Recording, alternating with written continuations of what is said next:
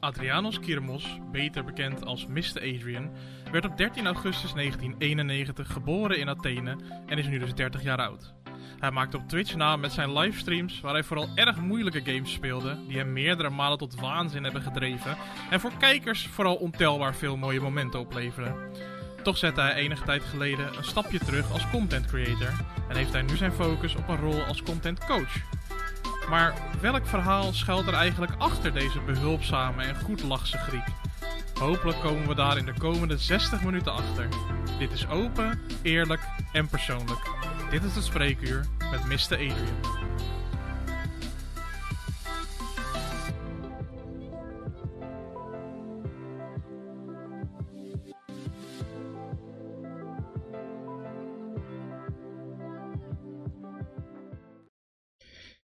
Ja, daar zijn we dan. Welkom allemaal bij de derde aflevering van het tweede seizoen van het Spreekuur. Ehm, vandaag is mijn gast niemand minder dan Mr. Adrian. Goedenavond. Hallo, hallo, goedenavond. Goedenavond, hoe is het ermee? Uh, goed, goed. Um, ik zag in de intro-video dat uh, no cats were harmed Ja. in de make of this video. Uh, dat is niet waar. Ai. Nee, nee, gelul. Ja, kijk, weet je, ik dacht je weet het maar nooit op Twitch tegenwoordig. Dus laat ik het er maar bij zetten voor de zekerheid, voordat ik mijn kanaal kwijt ben. Dus, ja, precies. Vandaar, Ons, vandaar. bekend als de, de Nederlandse Linity en dat moeten we niet hebben natuurlijk. Ja, dit is op mijn kanaal, weet Ja. je wel, dus dan heb ik het weer gedaan. Daarom. Hey, Precies, mocht je dit nou luisteren op Spotify of terugkijken op YouTube en denken, Twitch, waar gaat dit over? Dit wordt namelijk eh, elke woensdagavond live uitgezonden op Twitch. Dan kan je er gewoon bij zijn.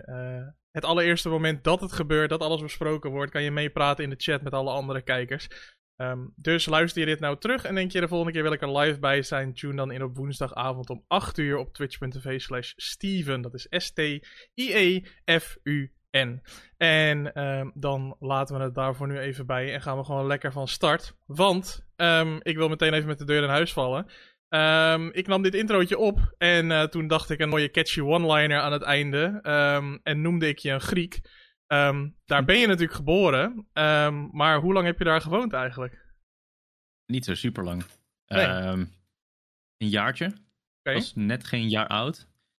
En toen zei ik tegen mijn ouders van, ja, kijk, als je naar deze huidige economische situatie kijkt en de geschiedenis van het land, Mhm. en eh, denk ik niet dat we hier goed zitten. En ik denk dat we beter, eh, ja, voor, voor de toekomst van mij en mijn broer naar Nederland kunnen verhuizen. En toen luisterden ze naar me en ze zeiden, ja, dat, is Nice, nice. goed, dat is wel een goed idee, man. Dat is een goed idee. Zeer wel bespraakt voor een eenjarige. Ja, ja. Ik Maar- moet dan altijd denken aan die, eh, aan die tweets die mensen plaatsen van eh, mijn driejarige zei vandaag...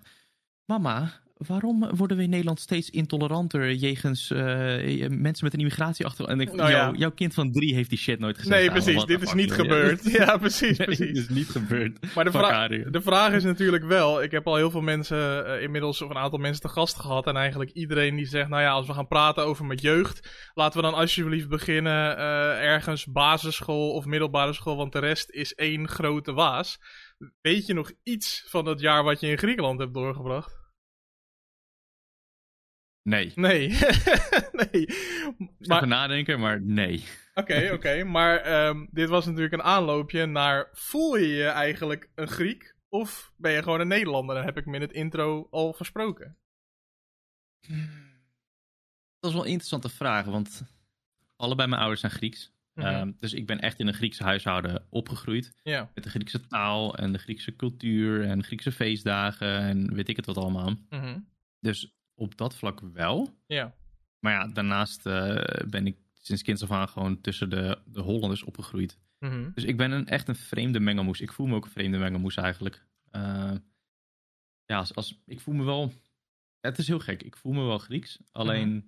als ik in Griekenland ben, voel ik me niet Grieks genoeg of zo. dat Heel, denk heel je, vreemd is dat. dan denk je, oh, er is nog een next level of zo. Ja, kijk, eh, Grieken zijn over het algemeen best wel emotioneel. Ik denk dat ik dat eh, ook wel ben in, in zekere zin of in bepaalde situaties. Mhm. Ehm, en Nederlanders zijn dan weer heel nuchter. En als ik dan. eh, misschien, dus misschien voor Nederlandse begrippen ben ik eh, te, wat emotioneler of passievol of vuriger of, of, of wat dan ook. Ja. En voor Griekse begrippen ben ik dan veel te nuchter. Want als ik daar ben, dan zie ik echt allemaal. Het is altijd drama. Het is altijd drama. En ik sta daarvan, joh, hè, rustig aan, komt wel goed. Weet je, dan maak je niet druk. Dus ja, het is een vreemde, het is een vreemde mix om in twee culturen eh, op te groeien eigenlijk. Ja, je zegt wel heel Grieks opgevoed, want allebei je ouders zijn eh, Grieks. Wat, Nou, ja. neem ons mee in een Griekse opvoeding. Wat, wat, wat, is er, wat was een Griekse opvoeding? Spartaans, gewoon zweepslagen we gaan met, eh, met één, één flesje water en twee olijven in een veld werken. Nee, natuurlijk niet.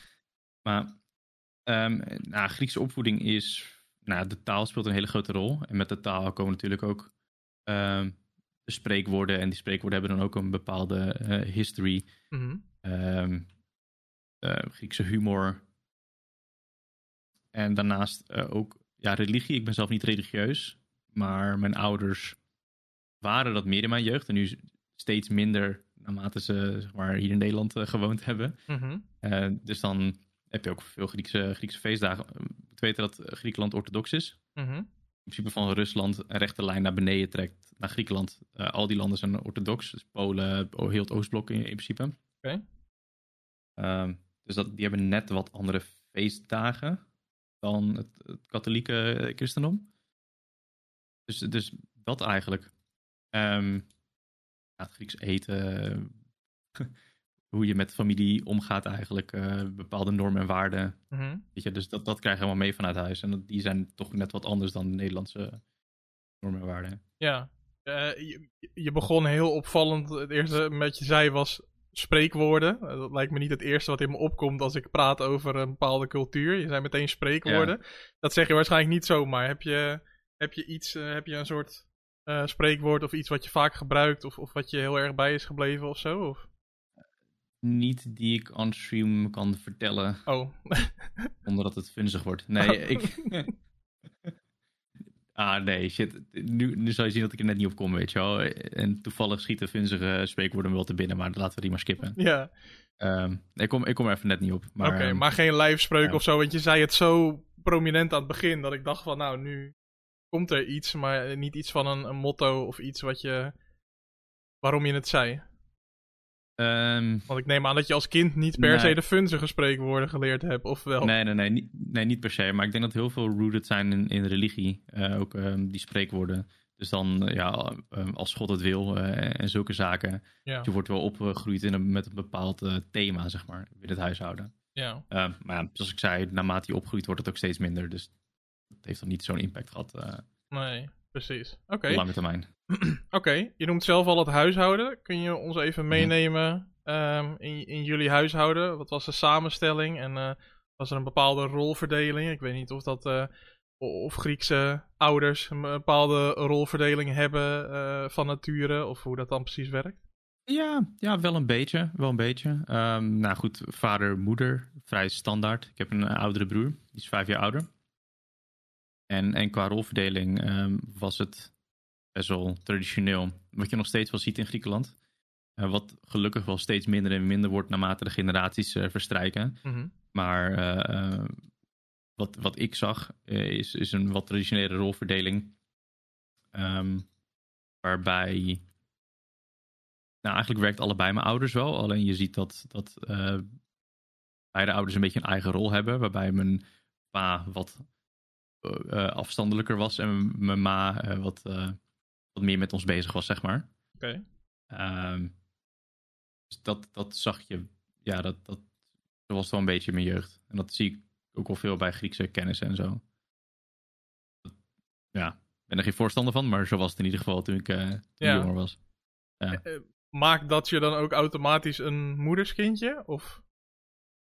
Ehm, nee, juist niet, want het is echt compleet omgedraaid eh, in mijn tienerjaren. Oké.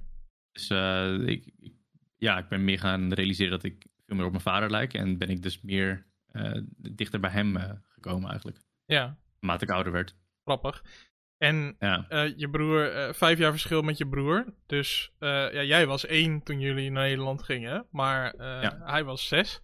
Ehm, Ja. Dat lijkt me wel een leeftijd waarop je het bewust meemaakt. En nou ja, daar weggaat uit een misschien een vriendengroep of een, een school al, neem ik aan. Eh, ja, heb je het daar ooit over gehad? eh, Hoe dat dan voor hem is geweest? Want dat lijkt me wel heel lastig. Ja, zeker. Als wij eh, fotoboeken uit de kast halen en, ja, en, en we nemen ze door, dan zien we foto's van het huis waar hij is in, is in opgegroeid in Griekenland. En dan Mhm. herinnert hij het nog van, oh ja, ik herinner me nog dat ik daar woonde, en dat balkonnetje en dit en zus en zo. En ehm, eh, ook eh, de vakanties die we samen eh, gehad hebben in Griekenland, dan herinnert hij nog op welke basisschool hij zat. En dan loop je daar langs en vertelt hij er wat over. Ehm, maar dat zijn een, een paar herinneringen die hij dan heeft Ja. van, van zijn jongere jaren. Ehm, en voor hem was het natuurlijk echt wel een culture shock toen hij in Nederland kwam. Als je zes jaar oud bent en je zit al op de basisschool en je komt ineens in Nederland op de basisschool. Mhm. Je spreekt geen woord Nederlands. Ehm, wel een beetje Engels, maar that's it. Dus dat Ja. was voor hem wel, eh, wel pittig. Ja, dat relatief gezien voor jou een stuk makkelijker natuurlijk. Want eigenlijk begon jij voor je gevoel in Nederland. Je hebt niet nooit echt. eh, je bent nooit echt geaard, denk ik, daar. Eh, het nee, jaar. precies. Nee, inderdaad. Ja. Oké. Dus naar Nederland. En eh, ja, in welk deel van Nederland belandde je toen als kind? als kleine Adrian? In een, in een boerengat in Zeeland, genaamd Kolijnsplaat. ja, wat- Ehm, het, ja, het is, het is echt een boerengat, man. Nou, we, we hadden eerst, ehm, we woonden eerst heel kort in Kortgene. ja. Ehm, dat ligt vlak bij Ierseke. Ja, nu kom ik met allemaal termen, of in ieder geval plaatsnamen waarvan je denkt dat de fuck. Maar Ierseke staat in ieder geval bekend als eh, echt de, de mossel capital van Nederland. Alle goede mosselen die komen uit Ierseke, als in Nederland gekweekt zijn in ieder geval. Ah. Als je ooit de Zeeuwse mosselen eet, dan komen ze waarschijnlijk uit Ierseke. En ehm, daar hadden mijn ouders dus in het eerste jaar dat ze in Nederland waren een Grieks restaurant. Ja, als je Grieks bent en je komt naar Nederland, dan open je een Grieks restaurant. Dat is hoe de dingen gaan. Ja. Alleen echt de, de, de super nuchtere boeren eh, in 1992, in het gat wat Ierseke heette, die waren nog niet helemaal klaar voor eh, dat niveau van de multiculturele samenleving. Mhm. Ze konden nog net eh, de Indo en de Chinees accepteren Ja. Qua takeaway eh, restaurantgelegenheden. Maar Mhm. Grieks was het dan net iets te exotisch. Ja. Dus dat restaurant was eh, binnen een jaar al eh, op de kop. En toen zijn ze naar Carlijnsplaat verhuisd. En daar heb ik dus vier, vijf jaar doorgebracht voordat we weer verhuisd waren binnen Zeeland. Dat was, ja, dat was echt een boerengat. Voor mijn gevoel is zeg maar naar Zeeland verhuizen en daar een Grieks restaurant beginnen heeft een eh, heel hoog ik-vertrek gehalte, zeg maar. Als in naar Roemenië gaan en een pannenkoekenrestaurant beginnen of zo. Het is volgens mij echt van alle provincies die je kon kiezen, denk ik niet, eh, niet de meest geschikte optie. Eh, het was niet... nee, en ik zei het nog tegen ze. Ik zei, pa, ja. ga, niet, ga nou niet naar Zeeland. ja. Als je Maar- kijkt naar multiculturele steden, dan moet je niet, Nee, nee, Nee. maar niet luisteren, niet luisteren. Nee. niet luisteren. Maar ehm, het- heb je daar, eh, ik bedoel toen de tijd natuurlijk niet, maar eh, achteraf gezien, heb je het daar nog wel eens met ze over gehad? Want Zeeland, ik bedoel, als je een als je verhuizing naar een ander land doet, dan neem je daar de tijd voor en dan is het niet even van het eerste het beste wat we vinden. Dus dat was Hm. misschien ook wel een soort van gerichte keuze. Of, of dachten ze dat Zeeland een goede keuze was, of, of wat. Ja, Nee, het, het was een gerichte keuze, omdat mijn vader, die echt lang voordat hij mijn moeder leerde kennen, en eigenlijk lang voordat hij. eh, ehm, dat was nog voordat hij in dienstplicht ging in Griekenland, want in Griekenland heb je nog steeds dienstplicht. oké. Eh, dat is minder streng dan vroeger, maar het is er nog steeds. En vroeger was het echt dat je anderhalf à twee jaar het leger in moest. Ehm, voordat hij in dienstplicht moest, hij was dus 18, 19 jaar oud, Mhm. woonde hij al in Nederland samen met zijn broer. Ah, Ehm, en zo wist hij het een en ander van Nederland. En zij woonde dus in Zeeland. Voor hem was het een hele vertrouwde omgeving. Kende al wat mensen, et cetera. Dus ja. dat is een beetje het 1 plus 1 is 2 eh, gedeelte van het verhaal. Eh, maar ja, goed. Je kan nooit van tevoren weten dat het, of het wel of niet een goede, Nee, goed idee is om een restaurant te beginnen. Nee, Maar- tuurlijk, tuurlijk. Nee, dat is absoluut waar. Ehm, en voor hetzelfde geld was het natuurlijk wel gelukt. hey, ehm, je noemde zelf al eh, dat, de, dat de dorpjes eh, klein waren op de plekken waar je opgegroeid bent. Ehm, namen die eh, eh, bij mij ook niet meteen een belletje doen rinkelen. Hoe was het om in dat soort dorpjes op te groeien? Want ik heb het zelf allebei meegemaakt, en de stad en het dorpsleven. Ehm, hoe, hoe was het als kind in een dorp? In Ehm, Zeeland? Ja, nou, Konijnsplaat was. ehm, Kijk, laat ik vooropstellen, ik heb niet echt een shitty jeugd gehad. Ik eh, ben ook niet gepest of whatever. Ik, heb niet, ik ben niet ziek buitengesloten geweest, maar het Mhm. was wel telkens net er niet bij horen, weet je wel. Oké. Dus eh, in dat eerste dorp in waren wij het tweede buitenlandse gezin. Mhm. Dus je had één gezin uit Iran volgens mij. En, en wij als Grieks gezin. En de rest waren allemaal Nederlanders. En ook allemaal generaties eh, van dat dorp zelf. Dus eh, alle ouders waren bevriend met elkaar. Alle grootouders waren bevriend met elkaar. Iedereen kende elkaar in principe. Mhm. En dan kom je daar dus en je kent niemand. Dus ja, ik had eigenlijk ehm, geen vrienden daar. Mhm. Eh, de enige vriend die ik had, die was ook een beetje een outcast van het dorp. Omdat hij een of andere spierziekte had in zijn nek. Waardoor hij de hele tijd dit deed. Oké. Ah, ik, ik weet het ook niet. Ja. Dat is wat ik van hem herinner. Ik, ik ben hem op later leeftijd nog tegengekomen. en ja, heel veel ja, medicatie en, en weet ik veel wat heeft hij allemaal gehad. En het is inmiddels een beetje resolved. Maar Mhm. hij was zeg maar dat ja, rare joch. Waar niemand iets mee te maken wilde hebben. Ja. Dus dus hij werd jij? mijn vriend. Ja. Ja. een beetje noodgedwongen ergens. Mhm. Want- Ja, wij werden dan vrienden met van lichte tegenzin. In die zin van dat... eh, het, was ook, het was ook niet echt een chill ventje. Het was eigenlijk best wel een lul. Dat begreep ik, ja, begreep ik van mijn ma. Omdat hij eh, ja, altijd vals speelde eigenlijk met knikkeren en al die shit. Om altijd maar van me te winnen. Dus het was ook niet dat hij echt super chill tegen mij was. Oh, maar ik had niet echt, ik had niet echt een, eh, ja, een, goede, of een, een beter alternatief, eh, zeg maar. Oké, een beetje tot elkaar veroordeeld. Soort, ja, zo kan je het wel zien eigenlijk, ja. Oké. Wel, eh, het is wel... Ja, maar was dat dan echt puur op basis van dat je niet Nederlands was? Of was je toen de tijd, was je, was je in, in, in gedrag en in, in doen en laten ook niet makkelijk in de omgang als kind? Nee, ik was, ik was een lief kind. Toen was ik lief, weet je. Mhm.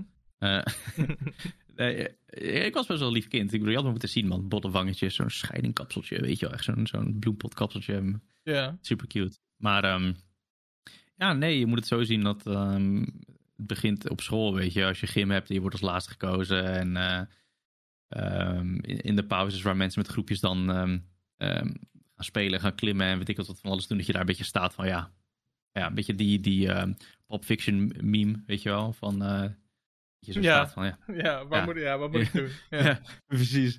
Dus daar begint het al, eh, daar begint het al een beetje mee. Dus, ehm, maar er kwamen ook wel positieve dingen uit hoor. Want dat, we, wa- ja, we waren ook wel een beetje bevriend met dat Iranese gezin. Vooral mijn broer eigenlijk. Want de kids die zij hadden, die waren meer van mijn broers leeftijd. Mhm. waren ietsje ouder. Alleen ik mocht soms aanhaken als irritante broertje. En, eh, en daar heb ik het game eh, opgepakt. Dus dat was dan weer wel heel cool. Eh, want ik weet nog dat hij een Nintendo 64 had. Met, met GoldenEye. En ik was helemaal van wow. Hij had ook een Sega Genesis volgens mij. Met Sonic en shit. Mhm. Dus ik had echt zoiets van, yo, ik, ik, ik moet gamen, weet je. Ik wil gewoon, ik wil dit checken. Wat is dit? Dus ik, ik weet nog dat hij me een dag had uitgenodigd van, ja, tuurlijk, kom gewoon, kom gewoon langs na schooltijd en dan kan je gewoon even gamen. Dus ik, ja, ik deed dat gewoon onaangekondigd. Mijn ouders. Mhm. Mijn liter, ja, school is uit en ik fietste dan naar huis. Ik had ook zo'n schattig fietsje met zo'n oranje vlaggetje. Zodat ik extra opviel in het verkeer, weet je wel.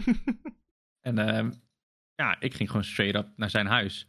Mijn moeder die was doodongerust. Die dacht, waar, waar, waar is Aad nou weer? Weet je, Ja. die is gewoon... eh, zij, zij heel het dorp doorfietsen en, en eh, rondvragen van hebben jullie Adrianus gezien? Uiteindelijk zag ze ergens zo'n oranje vlaggetje ergens eh, boven, boven een hegje uitsteken. Toen dacht ze, oh die fa- you little shit, weet Daar je. is hij, ja. Ja. Mooi, mooi. Ja. Oké. En wat is, het, eh, eh, wat is dan het Griekse alternatief van, eh, van de Surinaamse slipper, zeg maar, die je dan kreeg? Of eh, was dat niet... De eh, Griekse slipper. de Griekse slipper? Ja, nee. Er is geen, eh, er is geen alternatief. Nee. Het is gewoon een Griekse slipper. Ja. Nee, dat viel, dat viel wel mee. Wel, wel mooi dat ik het gevoel heb dat echt iedereen, eh, jij komt uit 91, ik uit 92, volgens mij iedereen zo'n beetje uit onze generatie gewoon die zegt, eh, ja, en hoe ben je begonnen met gamen? Ja, Nintendo 64 GoldenEye, volgens mij is dat echt, Ja, ik weet niet hoe, het is gewoon- maar het is echt, eh, Het is, het is die console inderdaad, ja. Ja. iedereen heeft dat. eh, maar dat was dus bij, bij iemand anders thuis. Wa- wanneer is het bij jou, zeg maar, wat was jouw eerste stap, als we dan toch even over het gamen hebben? Nou ja, dat was... eh, kijk, eh, nadat ik dus voor het eerst daar ging gamen... ben ik met mijn broer veel vaker geweest en dergelijke. En uite- uiteindelijk kwam de PlayStation 1 uit. Nu kwam de PlayStation 1 uit. Nu ga ik het even googlen hoor. Weet ik ook niet uit mijn hoofd, weten. inderdaad. 1996, 97? Sneller dan ik, denk ik. 94, 94. 94. Alleen we hadden hem niet gelijk op release gekocht, dus dat was echt een jaar later of zo. Maar we hadden zoiets van, ja, wij willen ook gewoon een console hebben. En ehm, ja, de PlayStation kwam uit, dat was echt eh, de hot new thing on the market. Ja. Dus wij wilden dat hebben. En ehm, ja, wat wij volgens deden is alle oude meuk die onze ouders eh, op zolder, op zolder hadden liggen, Mhm. dachten verstoffen. Dat mochten wij dan eh, tijdens Koninginnedag, toen de tijd, mochten we dat eh, gaan verkopen. Met, met een kleedje ergens, eh, weet je wel, een parkie. Om eh, eurotjes bij elkaar te leggen om eh, je eigen console te Ja. kopen. Ja, precies. Dus we hadden het geld een beetje zo bij elkaar geharkt, of in ieder geval de helft. En toen eh had mijn pa zoiets van, nou goed gedaan jongens, hier is de andere helft en veel plezier. En toen hadden we de PlayStation 1 opgehaald met Crash Bandicoot, de allereerste. En zo is het eigenlijk begonnen, man. Nice. Gamen. Nice. Komen we Ja. ongetwijfeld nog op terug, want er is zeker wel een rode draad in het gamen te vinden in, jouw in jouw leven, uiteraard. Dus die komt zeker nog terug. Ehm, laten we eerst nog even ehm, met of zonder oranje vlaggetje door je schooltijd heen fietsen. Ehm, ja, eh, eh, basisschooltijd eh, was. wij hebben natuurlijk van tevoren even gesproken. Je basisschooltijd was weinig, weinig enerverend, weinig spannend, voor zover ik heb begrepen. Niet eens blijven zitten, geen klassen overgeslagen.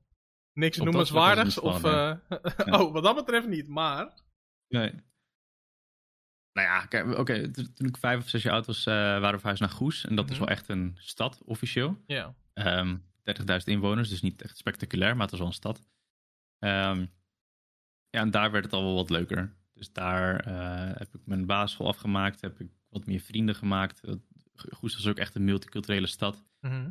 Dus eh, Surinamers, Marokkanen, Turken, Antillianen, weet je, Vietnamezen, al- zeg maar alle afkomsten die je kan verzinnen, die, die waren daar wel. En zeker ook in de buurt waarin ik toen opgroeide. Ja. Dus toen, toen had ik wel steeds meer vrienden. Ik viel vaak nog wel een beetje tussen wal en schip eigenlijk, omdat eh, de Marokkanen vaak met elkaar omgingen natuurlijk met elkaar. eh, dus je had altijd wel die kliekjes hier en daar. Dus Mhm. Ik paste niet overal ergens bij, maar ik had overal wel een klein beetje... eh zat ik er overal een klein beetje in, zeg maar. Dus op die manier had ik wel wat meer vrienden gemaakt. Zat ik op voetbal. Eh, ik was keeper, wat je met mijn lengte niet per se zou verwachten. maar eh, ze wezen me aan van, jij keeper. Oké, ja, is goed. En toen Ja. ik mag gaan keepen. Ehm, dus toen werd het wel wat leuker. En vanaf de middelbare school was het, ja, was het gewoon echt chill. Weet je, toen had ik een beetje mijn identity gevonden en Mhm. meer vrienden gemaakt en al die dingen. Maar je zegt, eh, ik, ik was niet echt iets specifiek, zeg maar. Ik was alles een klein beetje. En iedereen, met kon met iedereen een klein beetje, zeg maar, opschieten. Was dat misschien Mhm. ook omdat je de herinnering had van dat je juist nergens bij hoorde. En dat je dacht, als ik nu een beetje van alles wat ben en doe, dan kan ik met iedereen een beetje vinden? Of was het niet een soort van tactiek? Nou, niet per se. Ik merkte dat, dat ik gewoon me niet heel erg goed kon plaatsen en kon identificeren met die kliekjes die er waren. Mhm. Dus als, ik kon eh, op zich wel met, met een hoop verschillende mensen omgaan, maar ik, ik zou bijvoorbeeld toen de tijd niet ehm, elke dag de hele dag om kunnen gaan met dat groepje Marokkaanse jochies bij ons op school, weet je wel. Want dan werd ik gewoon gillend gek. Dan dacht ik van ja, dit is... Ik bedoel, eh, kijk, ik ken ze nu nog steeds, die gasten. En de meeste zijn gewoon, eh, ja, zijn gewoon goed uit de verf gekomen, om het zo maar te zeggen. Maar Mhm. toen de tijd waren het echt qua jongens. Ja.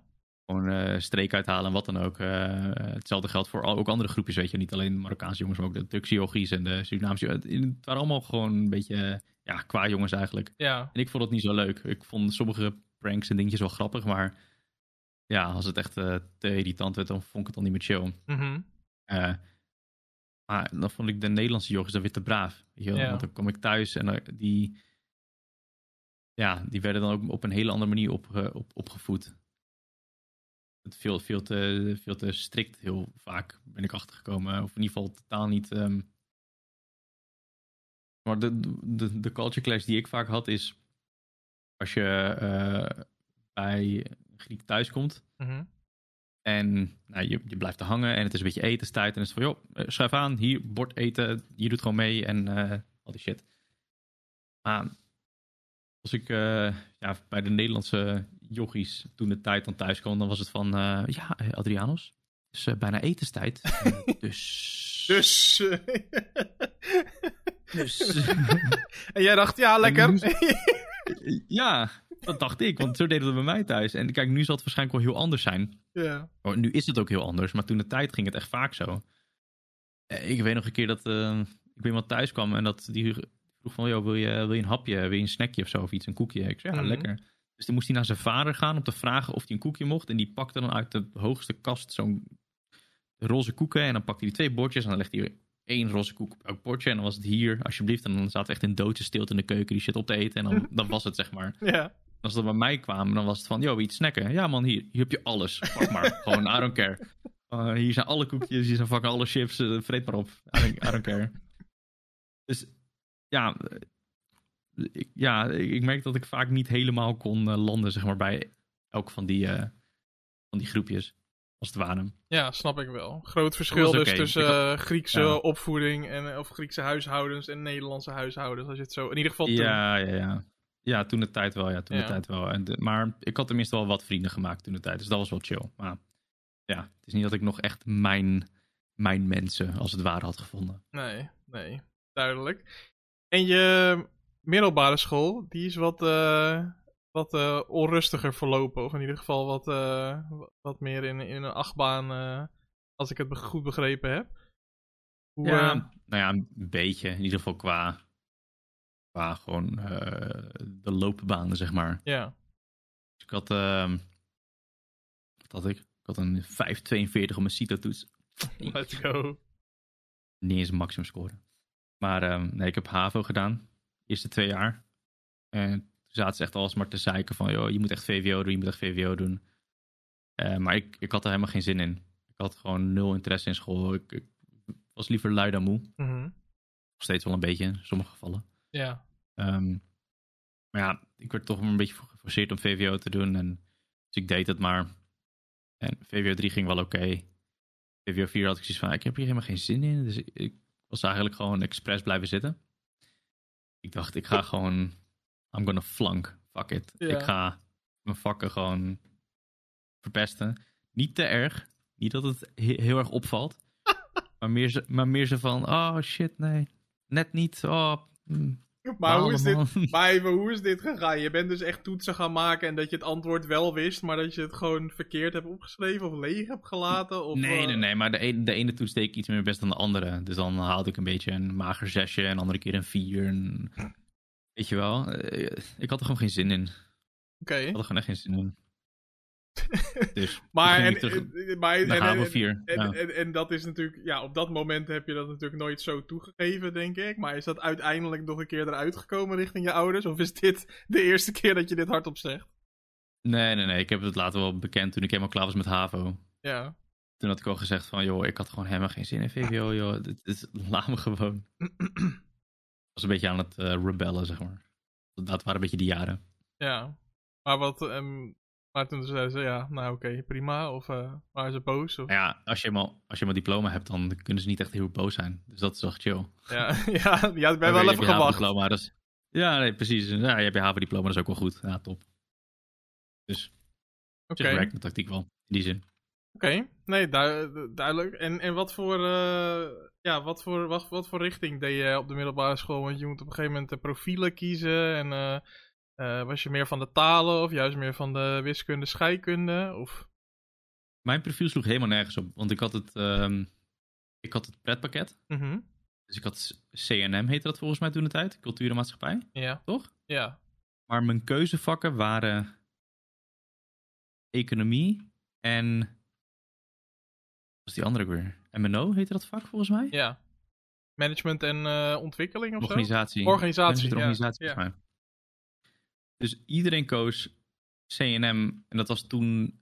hadden ze net wiskunde uit CNM gehaald. Mhm, En iedereen koos CNM omdat ze geen wiskunde wilden hebben. En ik had CNM gekozen, maar wel met economie en MNO erbij. Omdat ik dacht van, ja, ik kan op zich wel rekenen dus. En dat, dat- ja, ik weet niet. Het sloeg echt helemaal nergens op. Dus ik, wist het, ik wist het allemaal niet zo goed, laat ik het zo zeggen. Nee. Dus de vervolgvraag of je al een plan had voor de toekomst. Het antwoord is Nee, nee. Geen, nee, nee, nul. nee. Als je, als, je, als je CNM kiest met economie en MNO erbij, dan weet je niet wat de fuck je aan het doen bent. Dan heb je, dan heb je geen plan, geen richting, niks. Dan, Dan wil je gewoon iets afmaken en daarna wel zien eh, wat er komt. Ja, precies. nee, echt niemand die ik kende had. Ik, ik- zeg maar, die, die twee vakken die ik had, economie en MNO, niemand eh, anders in die eh, klasse had CNM. Mhm. Ik zat allemaal met, met, met eh, mensen die, eh, ja, die drie andere profielen hadden gekozen, waar dan wel eh, die vakken in zaten. Ja, Of in ieder geval waar in ieder geval ook wiskunde in zat, dat er in ieder geval een beetje correlation was op zijn minst. Dus nee, het sloeg helemaal nergens op wat ik deed eigenlijk. Maar Oké, ja, maar hey, je hebt het gehaald, dus eh, prima toch? ja, precies. Hey, als ik me niet vergis, dan ehm, eh, tijdens jouw middelbare schooltijd ehm, was er ook thuis eh, een situatie aan de gang. Als ik dat goed heb geplaatst in de tijdlijn. Ja, ja, ongeveer true. rond die periode geweest. Wat kun je daarover vertellen? Ehm, heb je het over een ontmaagding? Nee, dat is kidding. Nee, nee. nee, dat is flauw. Heel flauw. Oh mijn god. Ehm, nee, dat is flauw. Eh, nee, je hebt het over de scheiding. I know. Ehm, ja, de, de scheiding van mijn ouders, inderdaad. Toen ik ehm 15, net 16 was volgens mij. Dus ja, nee, dat was, dat was inderdaad. Mm, laat ik het zo zeggen. Ik vond het toen de tijd heel chill. Het heeft wat jaren geduurd voordat ik dacht van, oh, eigenlijk was het niet chill. Mhm. Maar op dat moment dacht ik van, ja, eigenlijk wel prima zo. Alleen maar gezeik thuis en geruzie en weet ik dat allemaal. Ja. Dus toen de tijd vond ik het wel logisch en oké. Mhm. Ach, ja, echt veel later pas besefte ik wat de scheiding en vooral al die jaren daarvoor betekend hadden voor mij en mijn broer. Ja. Ehm, dus ja, dus dat is, dat is, ja, hoe ouder je wordt, hoe meer je dan bepaalde dingen eh, in gaat zien. Maar als puberaal jochie dacht ik van, oké, ja, prima jongens, eh, zoek het lekker uit. En eh, ik doe lekker mijn eigen dingen, dat zal wel. Mhm. Maar het heeft onbewust toch wel eh, impact gehad. Eh, ja, op je leven. Dat- hoe kan het ook anders, weet je? Dat is niet, niet niks als je ouders er scheiden. Dus, Ja. Ja, je houdt hem nog vrij globaal. Kun je iets specifieker zijn bijvoorbeeld? Je, je hebt het over bepaalde situaties en je hebt het over de aanloop ernaartoe. Eh het speelde al een tijdje. Hoe merkte jij dat dan als kind? Nou ja, wat ik... ehm, wat je heel erg merkt is dat er altijd spanning was in huis. Mhm. Dus ja, ouders hadden vaak ruzie. Er was altijd wel een bepaalde... was heel vaak een bepaalde sfeer in huis. Ehm, wat resulteerde dat... eh, één, mijn broer en ik niet echt over emoties eh, praten, zeg maar. Want allebei, onze ouders waren niet echt eh, emotioneel available. Ja. Dat ze met elkaar in de clinch zaten. Dus wij gingen gewoon heel erg ja, binnenvetten en ons eigen ding doen. Mhm. En breng me naar punt 2 is dat mijn broer en ik eh, ons gingen afzonderen in principe. Mhm. Dus ehm, ja, wat er gebeurde is dat wij gewoon voornamelijk veel tijd spendeerden in onze eigen werelden, in onze eigen kamer, met onze eigen hobby's en interesses en wat dan ook. Om in ieder geval een soort safe space te creëren, weet je. Ja. Dus dat, dat is wat er heel erg eh, eh, gebeurde toen de tijd. Ehm, het grappige is dat je daar op dat moment niet echt harm in ziet. Ehm, en, en je pas later eigenlijk doorhebt dat dat impact heeft gehad op ehm, bepaalde denkwijze en gedrag. Dus waar het, ehm, waar het als kind zijnde een soort fysiek vluchtgedrag is, dat als er iets gebeurt, dat je letterlijk fysiek, fysiek je biezen pakt en naar je kamer gaat en, en daar veilig opsluit Mhm. dat het zich vormt naar eh, eh, een soort emotioneel vluchtgedrag in, in latere jaren. Dus als er iets te heet onder je voeten eh, wordt, dat je dan gelijk denkt, joe, later en gewoon een peert. Ja. Dat is wel echt een, echt een recurring thema geweest, eh, eh, heel lang in, in mijn volwassen leven. Dus het is, dat zijn allemaal van die dingen die je echt veel later pas realiseert van, oh, dus de reden dat ik dit doe is omdat dat gebeurde toen ik jonger was. Dus het is best wel grappig, nou niet grappig, maar het is interessant Ja. als je dat realiseert, zeg maar. Ja, dus het heeft wel Ja. zijn invloed gehad ook op latere leeftijd. Ja, natuurlijk. Het is echt een soort eh, instinctief gedrag wat erin eh, gaat sluipen als je als kind gewend bent om altijd maar te peren in je eigen kamer en eh, een beetje te doen alsof er niks aan de hand is. Mhm. Dus dat is wel, ja, misschien herkennen mensen zich daar wel een beetje in, maar dat, dat was in ieder geval wat de situatie was toen de tijd.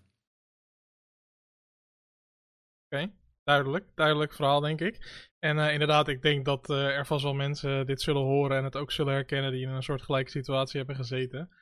Ik denk dat het eh, ja, soms op het moment zelf natuurlijk impact heeft, of ja, dat eigenlijk altijd, maar dat het in de lengte der jaren nog, nog zijn impact heeft. Ehm, Ja. Heb je... Ik denk ook als je er naar zoekt. Ja. Ehm, dus als je.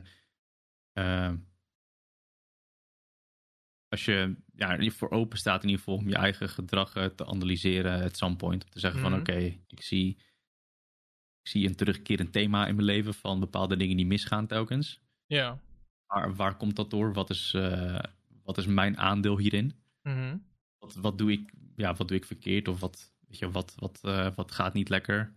Ehm, en dat je er echt voor open staat om dan ja, die zelfkritiek te hebben. En dat is, best wel, dat is best wel lastig. En dat vind ik nog steeds lastig. En dat blijft altijd lastig om jezelf zo kaart in de spiegel eh, aan te kijken. Maar ja, op een gegeven moment.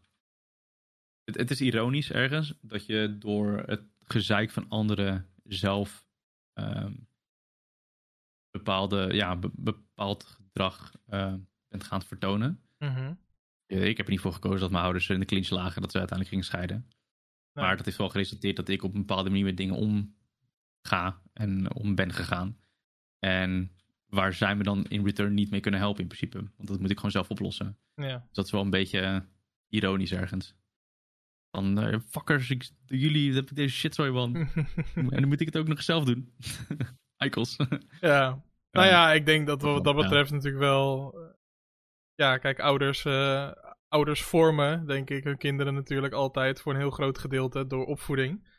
Maar eh, Mhm. ja, dit soort dingen horen daar ook bij. eh, En dat is misschien niet eh, het vormen wat we, wat we hadden gewild. Maar nou, ik denk Ja. dat dat ook onderdeel daarvan is. En ja, het kan helaas niet altijd alleen maar positieve vorming zijn, denk ik. En is misschien haal je er. Misschien zijn er ook momenten waarop je er wel iets positiefs uit hebt gehaald. Ik bedoel, het hoeft niet altijd negatief te zijn natuurlijk. Dat je hem, zoals jij het noemt, een peert. Ehm, op sommige Mhm. momenten. Maar ehm, ja, het hoort erbij, denk ik. ja, Ehm, dat is zeker zo. Dat is zeker zo. Hey, na je, na je diploma ging je studeren. Wat, Yep. wat, wat ben je gaan doen? Want je, nou, je had dus geen idee wat je wilde gaan doen, begrijp ik. Dus dat leek me best wel een pittige Klopt. keuze. Eh, ja en nee. Ehm, want ik deed wat iedereen eh, deed toen de tijd. Als ze niet wisten wat ze wilden doen, maar ze konden wel enigszins rekenen. En ze hadden de vakken economie en MNO gevolgd op de middelbare school. Mhm. Ik ging bedrijfseconomie studeren.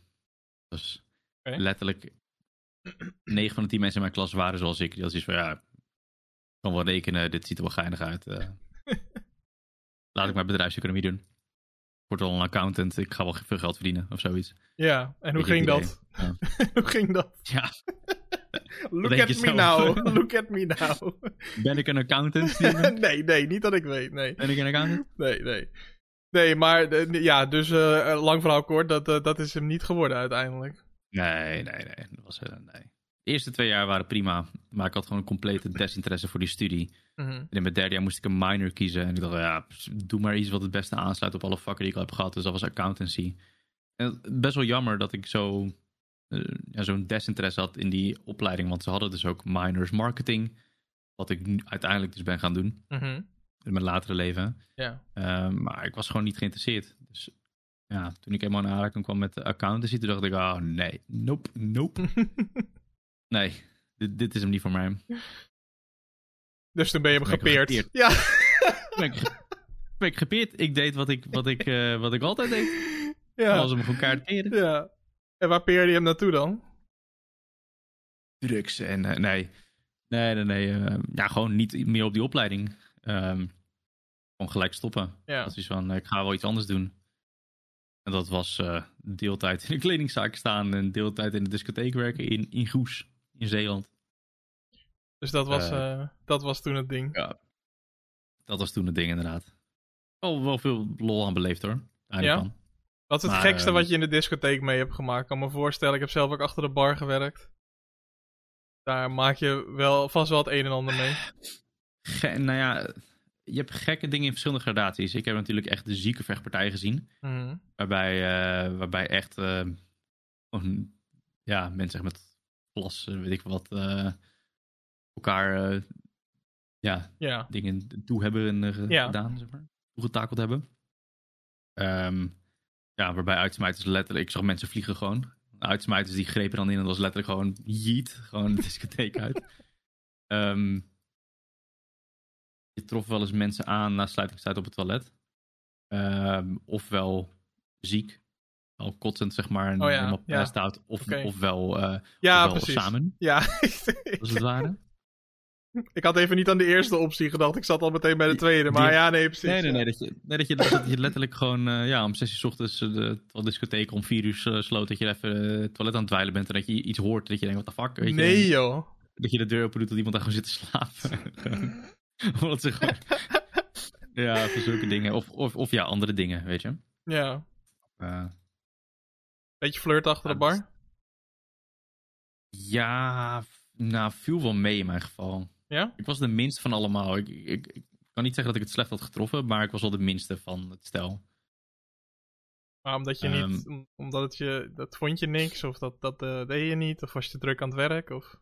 Ja, de, de meeste eh, vrouwen daar, die waren niet echt mijn type. Ik ben altijd een beetje een alternatief type geweest qua muzieksmaak en hobby's en interesses en al die dingen. En het was best wel een basic discotheek. En Ja. dus het was niet helemaal mijn jam, maar ook... eh, ja, je wist nooit of het eh, genuine was, want vaak eh probeerden ze dat gewoon te doen om een gratis shotje te krijgen of eh, een gratis drankje. Ja. Dus ja, dus ik wilde best een leuke gesprek met ze voeren, maar als ik daarna mijn muntje vroeg, dan keek ze me aan van, eh, what the fuck? We waren toch leuk aan het praten? was. Ja, Ja. precies. Nee, pak dat gewoon betalen. Rot Ja. op. ik heb er geen zin in. Ik moet ook, ik moet ook mijn, mijn geld verdienen hier. Precies. Nou ja, Oké. dus ja, Niet per se Casanova achter de bar dus. nee, in, in mijn herinnering niet in ieder geval. Oké. En eh, je andere baan, daar, eh, daar ben je nog doorgegroeid uiteindelijk. Ja, ja dus ik heb eh, deeltijd eh, in een kledingzaak gewerkt. Bij de Score in Goes. En uiteindelijk eh, ben ik beland bij de Score in Bergen op Zoom. Mhm. Ook echt zo'n plaats waarvan je denkt, bestaat dat? Ehm, ja, daar ben ik assistent filiaalmanager geworden en uiteindelijk filiaalmanager. En tijdens, ja, dus ik was toen al gestopt in de discotheek en terwijl ik daar werkte, toen dacht ik van oké, misschien moet ik toch maar iets serieuzer gaan doen. Want in ieder geval voor mij was heel mijn leven in de detailhandel werken niet, eh, dat was het niet voor mij. Mhm. Ik was echt eh, ja, mentaal onderprikkeld daar. Het was gewoon totaal geen uitdaging. Ja. Wat voor manier dan ook. Dus ik wilde gewoon iets anders gaan doen. En toen ben ik weer gaan studeren. Deeltijdopleiding communicatie. Dus ehm, ja. Toen ben ik dat eigenlijk eh, gaan doen. Best wel wat om... Ja. Om, om, om je, had- je, je stopte met studeren, want je was daar klaar mee. In ieder geval met de studie die je deed. En toen ben je gaan werken. Twee banen zelfs. Dan groei je door tot filiaalmanager. En dan kom je toch op dat punt dat je denkt van... Oké, terug de schoolbanken in. Dat vergt wel Mhm. redelijk wat eh, motivatie... om dan daadwerkelijk ook echt die studie te gaan doen. Dat wel. Dus dat, ja, dat was ook wel een uitdaging. Want ik werkte vijf dagen in de week. Ja. En eh, ook altijd op zaterdag. En soms eh, ook een koopzondag. Mhm. En dan elke woensdag. Woensdag was een van mijn vrije dagen. ge- Ja, ook ik de schoolbanken in. Ja. En daarnaast nog s'avonds huiswerk en weet ik het allemaal. Dus het was best wel, eh, ja, waren best wel pittige zes jaren. Ja. het niet, niet in vier jaar gedaan, zeg maar. Nee, precies. Maar als je dan zo Ja. op en top gemotiveerd was om het te gaan doen en er zes jaar over hebt gedaan, dan, nou ja, dan ga ik ervan uit dat je dat eh, afgerond hebt, toch, Aad? Nee, sorry, ik kon het niet laten.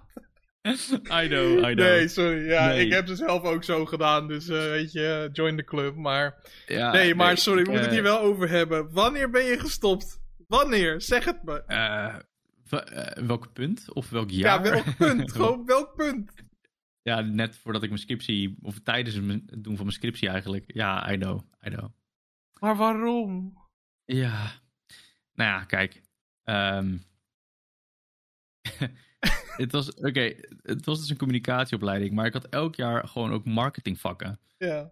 En ik dacht, nou chill, ik, ik vond marketing het, het leukste aspect van de opleiding, dus ik wilde een marketingscriptie doen. Mhm. Alleen dat vonden zij niet zo'n goed idee, omdat het een communicatieopleiding is. Dus ik was echt aan het stoeien met mijn hoofdvragen en deelvragen en hypothesen en al die toestanden en heel, heel dat, te- ja, heel dat werk wat je vooraf moet doen eigenlijk. Mhm. Het was continu niet goed, omdat ze het gewoon de hele tijd naar communicatie wilden sturen. Maar ik vond echt een communicatievraagstuk gewoon tering saai. Dat was gewoon niet aan mij besteed. Ik wilde marketingcommunicatievraagstuk doen. En dat was maar niet goed en dat was maar niet goed. En op een gegeven moment dacht ik van ja, toen werkte ik al bij MSI inmiddels. Dacht ik van ja, fuck it, later. Ik heb, ik heb dit niet nodig, ik heb er geen zin in. Ik kom vast wel waar ik wil komen, gewoon met mijn ervaring. Ja. Eh, het is goed jongens, uh, houdoe. Ja. Bedankt. Ja. Dus ja, ik bedoel, vertel het wel alsof het heel logisch is. Het is niet per se het slimste wat ik heb gedaan in mijn leven. Op dat moment voelde het logisch, maar Ja. ja. Nou ja, ik ik Ja. denk dat het belangrijk is om mee te geven aan mensen die dit luisteren. eh, misschien wat jongere mensen. En laten we nou zeker niet eh, de twee boomers uit gaan hangen die eh, vertellen hoe het moet. Maar ik denk dat aan de ene kant het verstandig is om inderdaad een studie af te maken. En aan de andere kant is het ook weer niet goed om ergens mee door te gaan waar je eigenlijk eh, bij voelt van dit is hem niet voor mij. Dus het is heel dubbel, denk ik. Eh, ik denk ook Ja, niet dat jij het in één, denk- in één dag hebt besloten om ermee te stoppen. eh. Nee, nee, wat, nee, dat sowieso niet. Ik liep er echt al lang mee eigenlijk. ja. Ehm, maar, ehm, hoe heet het? Kijk, als je al zo ver bent in je studie, dan moet je gewoon doorzetten en wel maar een scriptie schrijven waar je niet volledig achter staat om Mhm. toch maar je diploma te behalen. Ehm, Ja. Kijk, als je, als je halverwege je studie bent of redelijk vroeg in je studie en je merkt gewoon van dit is hem niet, nou, dan zie ik niet een reden waarom je dan per se door zou moeten gaan. Maar goed, dat is, er zit heel veel nuance daarin ja. elk persoon verschillend. Maar als je, als je, zo, als je zo ver bent als, ja, als waar ik was eigenlijk, dan moet je het gewoon afmaken eigenlijk. Ja. Heel cliché. om dan nog te stoppen. Ja. Heel cliché, maar toch even. Heb je er spijt van? Eh, nee. Ik heb van weinig dingen spijt in mijn leven, omdat ik het altijd pro- probeer in de context te plaatsen van het moment zelf. Ik bedoel, ja, als je Captain Hindsight uit gaat hangen, dan kan je van duizend en één dingen spijt hebben. Alleen, je doet shit omdat je met, met de kennis die je op dat moment hebt eigenlijk. Mhm. Dus ik heb er geen spijt van. Ehm, ik ben wel bezig om het recht te trekken eigenlijk. Ik ben dus wel weer in contact met die school om te kijken van kan ik toch niet mijn opleiding afmaken. Want Ja. eh, het zou eventueel later in mijn carrière bepaalde deuren weer kunnen openen. Ja. Helder. Dus ja, Hey, ehm, we hebben ongeveer nog een kwartiertje. Lijkt me leuk om Mhm. eh, eh, dat kwartier zeg maar zoveel mogelijk in het nu te praten. Ehm, je gooit net al even tussendoor dat je bij MSI werkte. eh, op een gegeven moment toen je je studie eh, stopzette. Ehm, eh, dat is natuurlijk al in de gaming-industrie. Ehm, je werkte bij MSI. Wat deed je precies bij MSI? Ik was ja, in, in eerste instantie allround marketeer.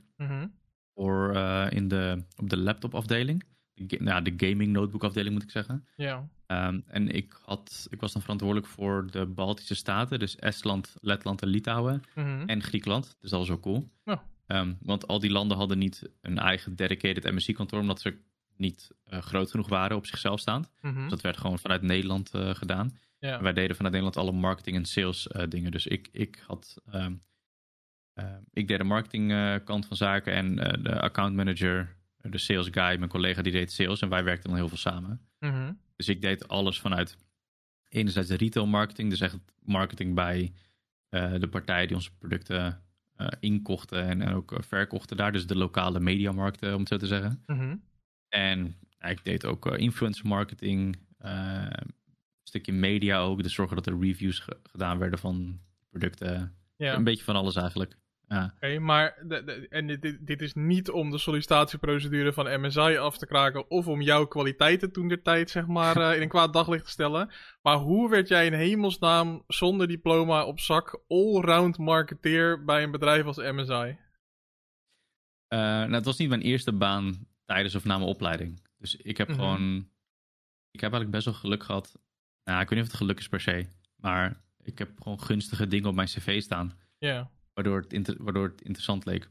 oké. Eigenlijk. Ehm, mijn eerste baan na de detailhandel was ehm, op een project van Google. En dat klinkt hip. Het was eigenlijk echt een van de kutste banen die ik ooit heb gehad, om eerlijk te zijn. Want het was.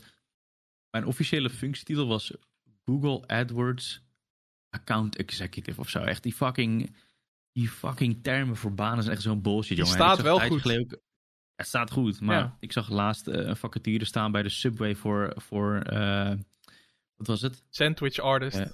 Sandwich artist, ja. Klopt. Ja, Ja, Bro. No offense naar mensen die in de Subway werken, maar je maakt broodjes. klopt. Ja. Ja. Sandwich artist, alsof fucking eh, de Michelangelo's van het, het broodjes maken daar werken of zo. Flikker toch op, man. Ja, het is echt zo'n bull. Nou, anyways, Ja. die functietitel leek super hip. Alleen, ehm, ik was in principe gewoon bedrijven eh, van het MKB, of in het Mhm. MKB aan het cold callen, zodat ze Google AdWords zouden eh, doen. Zodat ze daar geld in zouden pompen. Dat is in principe wat ik deed. Ehm, Dat is wel pittig. Dat is pittig werk, En ik heb, ja, het is vet kut. En ik heb het ook niet, eh, ik heb het net geen jaar gedaan, want ik zag dat het gewoon echt helemaal kut was. Ja. Dat was ook super Amerikaans, weet je wel. Je had elke dag een huddle. Ja, aan het begin van de dag dat mensen bij elkaar gingen staan. En dan was het van... Oh, Jeffrey heeft gisteren een account van zoveel euro geclosed. Eh, ver- ver- Verplicht applaudisseren en shit. Of als je, een, eh, als je een account van een x-bedrag had geclosed... dan was er zo'n bel die in het midden hing. En dan moest je daar rinkelen. En zei, ja, fuck, dat is zo kut. Dat is echt zo'n toxic Amerikaanse kut bedrijfscultuur. Ehm, maar er stond wel Google op mijn cv. Dus dat was wel chill Ja. zo was ik in mijn volgende baan gerond, gerold. Ik was allround marketeer bij een ja, financial consultancy bureau. Ehm, dus dat was wel geinig. Ehm, niet, niet een bekende naam per se, maar ik, ja, mede door die twee ervaringen ben ik, eh, ik heb daar twee jaar gewerkt. Mede, Ja. mede dankzij die dingen heb ik, ben ik bij muziek kunnen werken.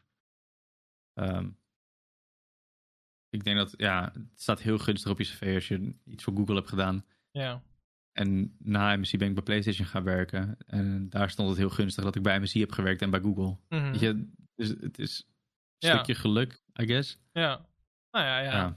Combinatie van. Ik denk als ik het zo hoor, dat je ook gewoon... eh, ehm, ja, eh, zonder te liegen over dingen wel gewoon een heel tactisch cv op hebt gebouwd. En eh, ik denk dat dat voor mensen ook wel... dat, dat een hoop mensen daar ook wel iets aan hebben. Dat je... Ja, Ja. Ik moet wel zeggen, ik was wel sneaky, man. Want op je cv zet je toch... ehm, wanneer je met een opleiding gestart bent... en wanneer Ja. Supposedly af hebt gerond. je hebt alleen startdatum nergens. Nee, nee, nee, nee, nee, nee, nee. Nee, ik, z- nee, ik heb wel zes jaar die opleiding gedaan. Ja, precies. Dus ik heb gewoon een startdatum en een einddatum neergezet. En verder niet of ik een diploma heb behaald of zo. Ja. Maar heel eerlijk, Dus hè, zonder... eh, ja, sorry, ga maar. Nou ja, het is, ik werd gewoon wel uitgenodigd op gesprekken. Ja, En dan kwam het soms wel aan bod en soms niet. ja, Of zo van, dan ging je opleiding en dan was het gewoon, oh, oké, is goed, opleiding gevolgd, prima, weet je wel. Zes jaar lang, ja, top, oké, who cares. ja. Soms vroegen ze van, heb je een diploma behaald? En toen, ja, dan ben je op gesprek en dan moet je wel eerlijk zijn en zeggen, ja, nee, ik heb mijn diploma niet. Maar ik heb wel zes jaar die opleiding gedaan. maar ja, Ja, maar heel eerlijk, maar ja, dit, is natuurlijk, dit zijn natuurlijk, hè, dit zijn twee jongens die allebei geen diploma hebben gehaald. Dus het is makkelijk dat wij op die manier denken. Maar ik vind nog steeds, als je zes jaar zo'n opleiding hebt gedaan, heb je daar heus wel enige kennis op gedaan. En dat je het diploma dan niet hebt, is natuurlijk jammer. Maar ik vind dat bedrijven daar best wel eens eh, ja, wat meer naar mogen kijken. Ehm, maar goed, dat is eh, Ja, een, heel ander gesprek misschien. Maar nee, true. En ik denk dat het ook heel erg is, ehm, ik denk dat het heel erg van afhangt wat je ook in je vrije tijd doet. Kijk, als jij in je vrije tijd geen andere ervaring opdoet, ja, en je hebt ook geen diploma, dan wordt het wel lastig om, ehm, om echt verder te komen, denk ik. Terwijl als Mhm. jij kan aantonen van oké, ik heb geen diploma, maar ik heb wel, ehm, ja, ik heb wel eh, marketing gedaan voor een start-up hier van een vriend van me. En ik heb dit gedaan, ik heb dit geprobeerd. Ik heb dat je in ieder geval shit gedaan en geprobeerd hebt, dan ziet het al wat sterker uit dan alleen ja, je Ja. werkervaring die misschien niet relevant is en je diploma die je niet behaald hebt. Dan, dan wordt het lastig. Dus zeker. ik denk dat, dus dat zou ik als encouragement mee willen geven aan eh, de kijkers. Is dat als jij echt iets wil, in je huidige opleiding of je huidige baan sluit er niet bij aan. Probeer zoveel mogelijk in je vrije tijd te doen wat er wel bij aansluit. Zodat je je kans in ieder geval kan vergroten voor een gesprek in de toekomst. Dat is Ja. ja Mooie tip. Mooie tip. Ja. Ehm, dit is zo'n punt in het gesprek waarin ik ontzettend baal van mijn eigen concept. En dat ik deze klok hierbovenin heb bedacht. En dat het maar 60 minuten mag duren allemaal. Want ik zou je superveel willen vragen over je tijd bij PlayStation. Omdat ik denk dat heel veel mensen, nou ja, toch wel. Dat is natuurlijk een hele grote naam. Hè, en ik denk dat mensen er heel veel over zouden willen weten. Eh, maar ik kies er toch voor om de tijd te vullen met de Adrian van nu. Want ik denk dat dat nog leuker is om mee af te sluiten dan ja, de Adrian bij PlayStation. Want dan anders blijven we in het verleden praten. Ehm, Sure. Want ehm, ik eh, ging een beetje aan je voorbij door je eh, op social media een ex-streamer te noemen. Eh, daar moest je natuurlijk eventjes met een knipoog op reageren. Feit is wel dat je zelf een stapje terug hebt gezet. Dat je Ja. daarbij ook hebt vermeld dat je misschien meer geschikt bent voor achter de schermen dan voor de schermen. Ehm, en in het verlengde daarvan een, een soort content coach rol eh, hebt ja, opgepakt, gecreëerd. Ik, ik weet niet eens of het bestaat, bestond, whatever. Ehm, ja, wat kan je daarover vertellen? Wa- waarom? En, en, en, en ja, hoe, hoe zie je dat voor je de komende tijd? Wat ben je van plan? Ja, ehm, ja, in eerste instantie is het idee ontstaan toen ik bij PlayStation werkte. Ehm, ik, eh, ik heb heel die tijd niet gestreamd, omdat ik gewoon een clausule had in mijn contract. Dat, eh, ja, Ja. dat in principe zei, je mag geen videogame content maken. Mhm. Dus ik dacht, oké, wat, voor, wat voor content kan ik wel maken? En iets anders, op welke manier kan ik toch content maken of betrokken zijn met het maken van content, zonder zelf content te maken? En toen dacht ik, nou, volgens mij weet ik wat dingetjes. Ik heb wat ervaring, ik heb wat kennis. Misschien kan ik gewoon eh, mensen helpen hiermee. Dus ik heb lang geleden, ik heb vorig jaar in mei heb ik een oproep gedaan van, ja jongens, eh, ik wil gewoon best met je zitten om met je mee te denken over je content. Dus laat me weten als je wil. Mhm. En, maar ik had niet verwacht dat ik zoveel reacties zou krijgen. Ik had echt, eh, ja, ik was helemaal inge, ingepland die weken daarna, na die Ja. oproep. Ehm, ik heb inmiddels iets van, ik denk bijna wel 40 gesprekken gevoerd in totaal. Zo. Dus dat is echt heel tof. En ik- ja, iedereen geeft aan dat het een positief gesprek was. Ja, misschien zitten er mensen tussen die het helemaal kut vonden en het gewoon niet durven te zeggen. Dat kan ook. maar Ja. de meeste mensen geven aan dat ze iets aan, aan hebben gehad. Dus dat is echt wel nice. Mhm. Dus ja, dat gaf mij. Ik kreeg er het idee van: oh, hier is echt wel vraag naar om met iemand te praten die totaal niet verbonden is met iemand. In die zin van: ehm, ik, ben geen, ik ben geen conculega als het ware. Ik heb, nul, ik heb er nul baat bij in dat iemand ehm, groot wordt in, in die zin. Ja. Eh, of het, het, het, het, het schaadt mij ook niet. Het is niet dat iemand in dezelfde space. eh, eh, viewership eh, af probeert te pakken of whatever. Het is, weet je, ik Nee, heb precies. 0,0 Dus je hebt, er, je, hebt er, je hebt er en geen baat bij dat iemand groter wordt, maar je hebt er ook geen baat bij dat iemand klein blijft, zeg maar. Het is gewoon oprecht. Ja, het is gewoon. ja. Het is gewoon een. Ik probeer een zo objectief mogelijke blik te geven op wat ik denk dat die persoon kan doen om Mhm. beter te worden daarin. Ehm, dus ja, ik heb daar veel positieve reacties op gekregen. Ik dacht, hoe kan ik het concept verder ontwikkelen? Dus misschien kan ik een klein tipje van de sluier eh, revealen. Eh, ja, hier? als je dat wil. Ja, tuurlijk. Ja, ja. zeg wat je wil. Ja, Ja, nee. Nee, dat, dus, nou, ik dacht, hoe kan ik dit verder uit gaan bouwen? Nou, om daarachter te komen had ik een tijd geleden een enquête uitgestuurd. Die volgens mij had jij ook ingevuld, dacht ja ik. eh, zeker. zeker. Ja, ja precies. Dat had je ook ingevuld. ehm, om achter te komen van, ja, wat zijn nou de uitdagingen die content creators hebben? Ehm, willen ze daar hulp bij? Eh, wat voor hulp willen ze daar eventueel voor betalen? Zelfs als ze daar echt toegevoegde waarde in zien. Mhm. En met al die info heb ik, eh, dat heb ik allemaal verwerkt in een, een Patreon-constructie eigenlijk, met verschillende tiers van support. En ik ben op dit moment, as we speak, bezig om ja, met mensen benaderen, met mensen gesprekken te voeren, om echt een soort founders te worden. Eh, een van de eerste die zich daarbij aan willen sluiten. Mhm. Dus het idee is dat ik, ehm, ehm, ik ga ergens volgende week ga ik soft launchen. Ja, Met een selectief groepje eigenlijk ga ik dat, eh, ga ik dat starten. cool. En ehm, om, om, ja, om dat eigenlijk op te zetten. Dus dat, dat is eigenlijk het, het huidige plan. Oké, vet. wat, wat het inhoudt is een, ja, een dedicated Discord. eh, waarin mensen met elkaar ehm, in gesprek kunnen. Ik die wekelijkse tips en tricks geef. één op één gesprekken. Van alles en nog wat zit daarin. Dus dat is waar het op dit moment staat. Oké, Dus ehm, ik heel erg cool. Ja, ja, tof. Ehm, ik denk ook zeker dat dat, eh, eh, dat dat een hele goede reden kan zijn van mensen als je dit luistert en je maakt content op wat voor manier dan ook. Want even voor de duidelijkheid, niet per se alleen voor streamers, toch? Kan ook als je bijvoorbeeld YouTube-video's maakt of ben je wel echt gericht op het streamen. Ja, het is, het is content coaching in de Ja. breedste zin van het woord. En ja, mijn expertise ligt wel eh, in het streamen en YouTube-video's en dergelijke. Daar heb ik het meeste Mhm. ervaring mee. Ja, Ehm, maar we hebben het ook absoluut over social media en dergelijke.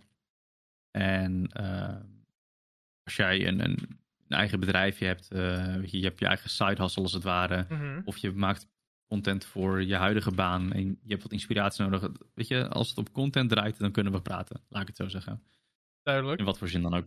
Duidelijke, duidelijke samenvatting.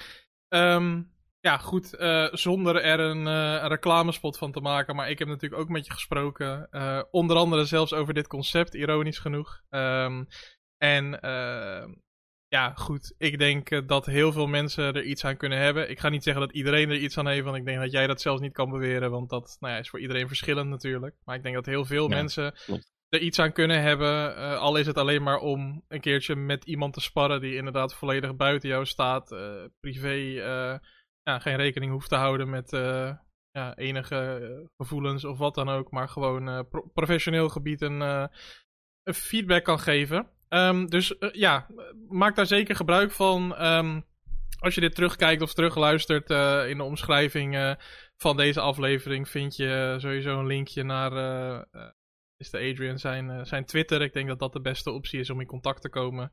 En eh, nou ja, anders dan eh, weten jullie hem wel te vinden en kunnen jullie anders mij ook een berichtje sturen om te connecten.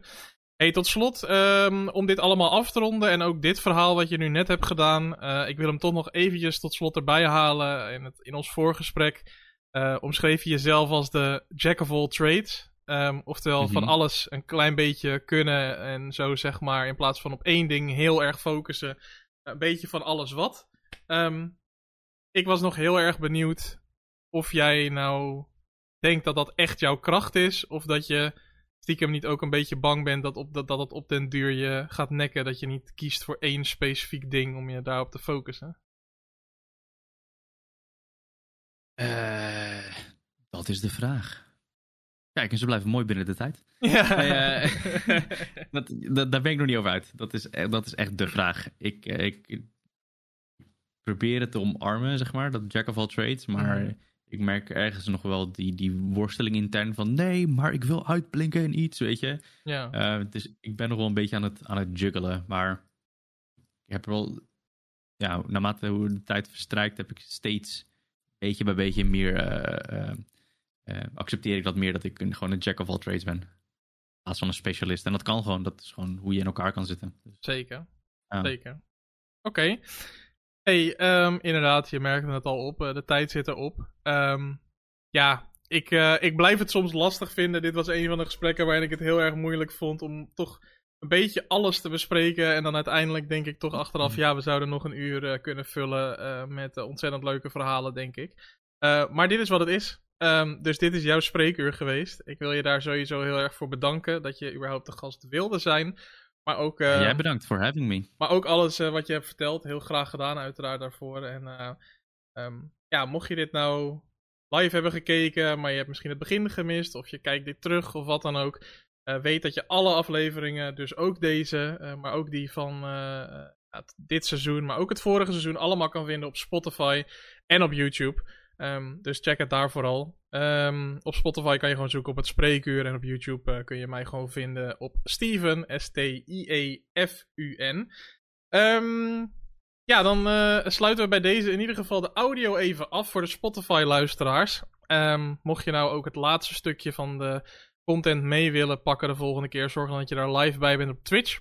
Of dat je op zijn minst de YouTube-video terugkijkt, want eh, dan krijg je het laatste beetje van de show ook nog mee. Ehm, waar we heel kort nog napraten of afsluiten. Ehm, voor nu aan alle Spotify-luisteraars in ieder geval dank voor het luisteren. Ehm, hopelijk weer tot volgende week. Waar ik weer een nieuwe gast heb. En die maak ik nog wel altijd even bekend. eh, ook voor jullie eh, Spotify-luisteraars. En ook voor de mensen op de stream is dit natuurlijk altijd weer een, eh, een verrassing. Volgende week is het 26, zeg ik dat goed? Ja, 26 januari. En dan is mijn gast Shushana, ik moet het goed uitspreken. Ze heeft eh, echt een week geleden haar naam veranderd. Ehm, Twitch-streamer, eh, ook contentmaker, onder andere ook op TikTok en eh, weet ik het waar allemaal. Dus ehm, ja, wordt ongetwijfeld ook weer ontzettend leuk. Ook leuk omdat ze dus ja, net een name change heeft gedaan, een rebrand. dus ook leuk om daarover te praten en ook eens een keer leuk om te kijken hoe zij in het leven staat. Ehm, wil je daar nou niks van missen? Kom dan volgende week langs om 8 uur op twitch.tv slash Steven. Voor nu bedankt voor het kijken, luisteren, alles erop en eraan. En hopelijk tot de volgende keer bij de volgende aflevering van het Spreekuur. Namens mij en Mr. Adrian, dankjewel. Tot de volgende keer. Ciao. Peace.